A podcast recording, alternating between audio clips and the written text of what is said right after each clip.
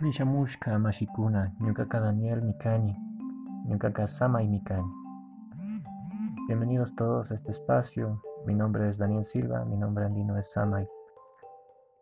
Buscaremos diversas aproximaciones a la lengua madre y en este proceso exploraremos criterios de medio ambiente y sociedad, también algunas estrategias de otras culturas que se aproximan acertadamente hacia el bienestar de los seres humanos, vistos como Runa Pacha, como seres que son del cosmos, que no tienen una identidad, no tienen una bandera que, o un ejército, sino que son del mundo y con una visión amplia para la protección de la vida. Así que bienvenidos a este espacio y bienvenidas también.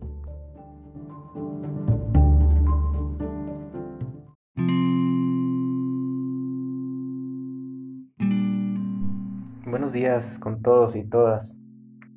El mito de hoy es de cómo nace el idioma de los quichua runas. Hace muchos años el tiempo y el universo en el transcurso del día y la noche vivían escuchando el murmullo, el canto de los pájaros, el viento, los ríos, los mares, las plantas, las flores, la lluvia, los truenos. Un día el tiempo despertó muy triste esta fue tan grande que todos quienes vivían en el universo se pusieron melancólicos y muy preocupados. Por esta razón, ellos se pusieron de acuerdo en ofrecerle las mejores canciones que sabían, las mejores eh, danzas que habían aprendido, em, con el propósito de devolverle la alegría al tiempo. Ellos en efecto cantaron y bailaron como nunca y el tiempo, aunque se sentía muy agradecido, no lograba recuperar su alegría. Apenas dejó escapar un suspiro cansado y profundo y logró moverse lentamente a un costado. Los habitantes del universo, cansados por el esfuerzo que habían realizado y muy acongojados por no haber logrado su objetivo, se quedaron mirando unos a otros sin saber qué decirse ni qué hacer, y del cansancio se durmieron, unos por un lado, otros por el otro. En sus sueños, el sol y la luna asomaron como una silueta que intentaba abrirse paso entre las tinieblas y cuando estuvieron a punto de lograrlo, una tormenta de rayos y truenos impidió su propósito.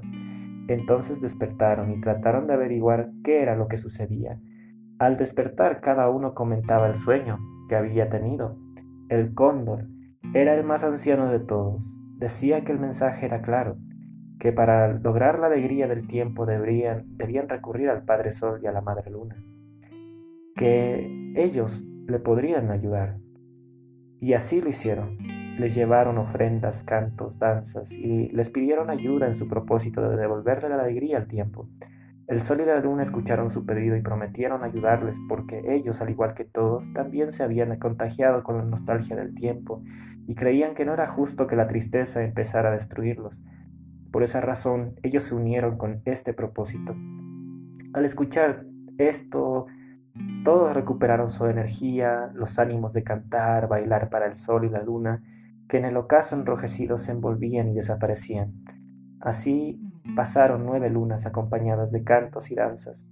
De pronto, cuando todos por el cansancio descansaban, se escuchó el llanto de dos niños, una hembra y un varón. Al escuchar el llanto, todos despertaron, se acercaron a los niños para contemplarlos, mirarlos y arrullarlos. Emocionados los habitantes de este tiempo, les brindaron ofrendas, cantos, danzas, y así junto a los niños cantaron y danzaron por el lapso de diez meses.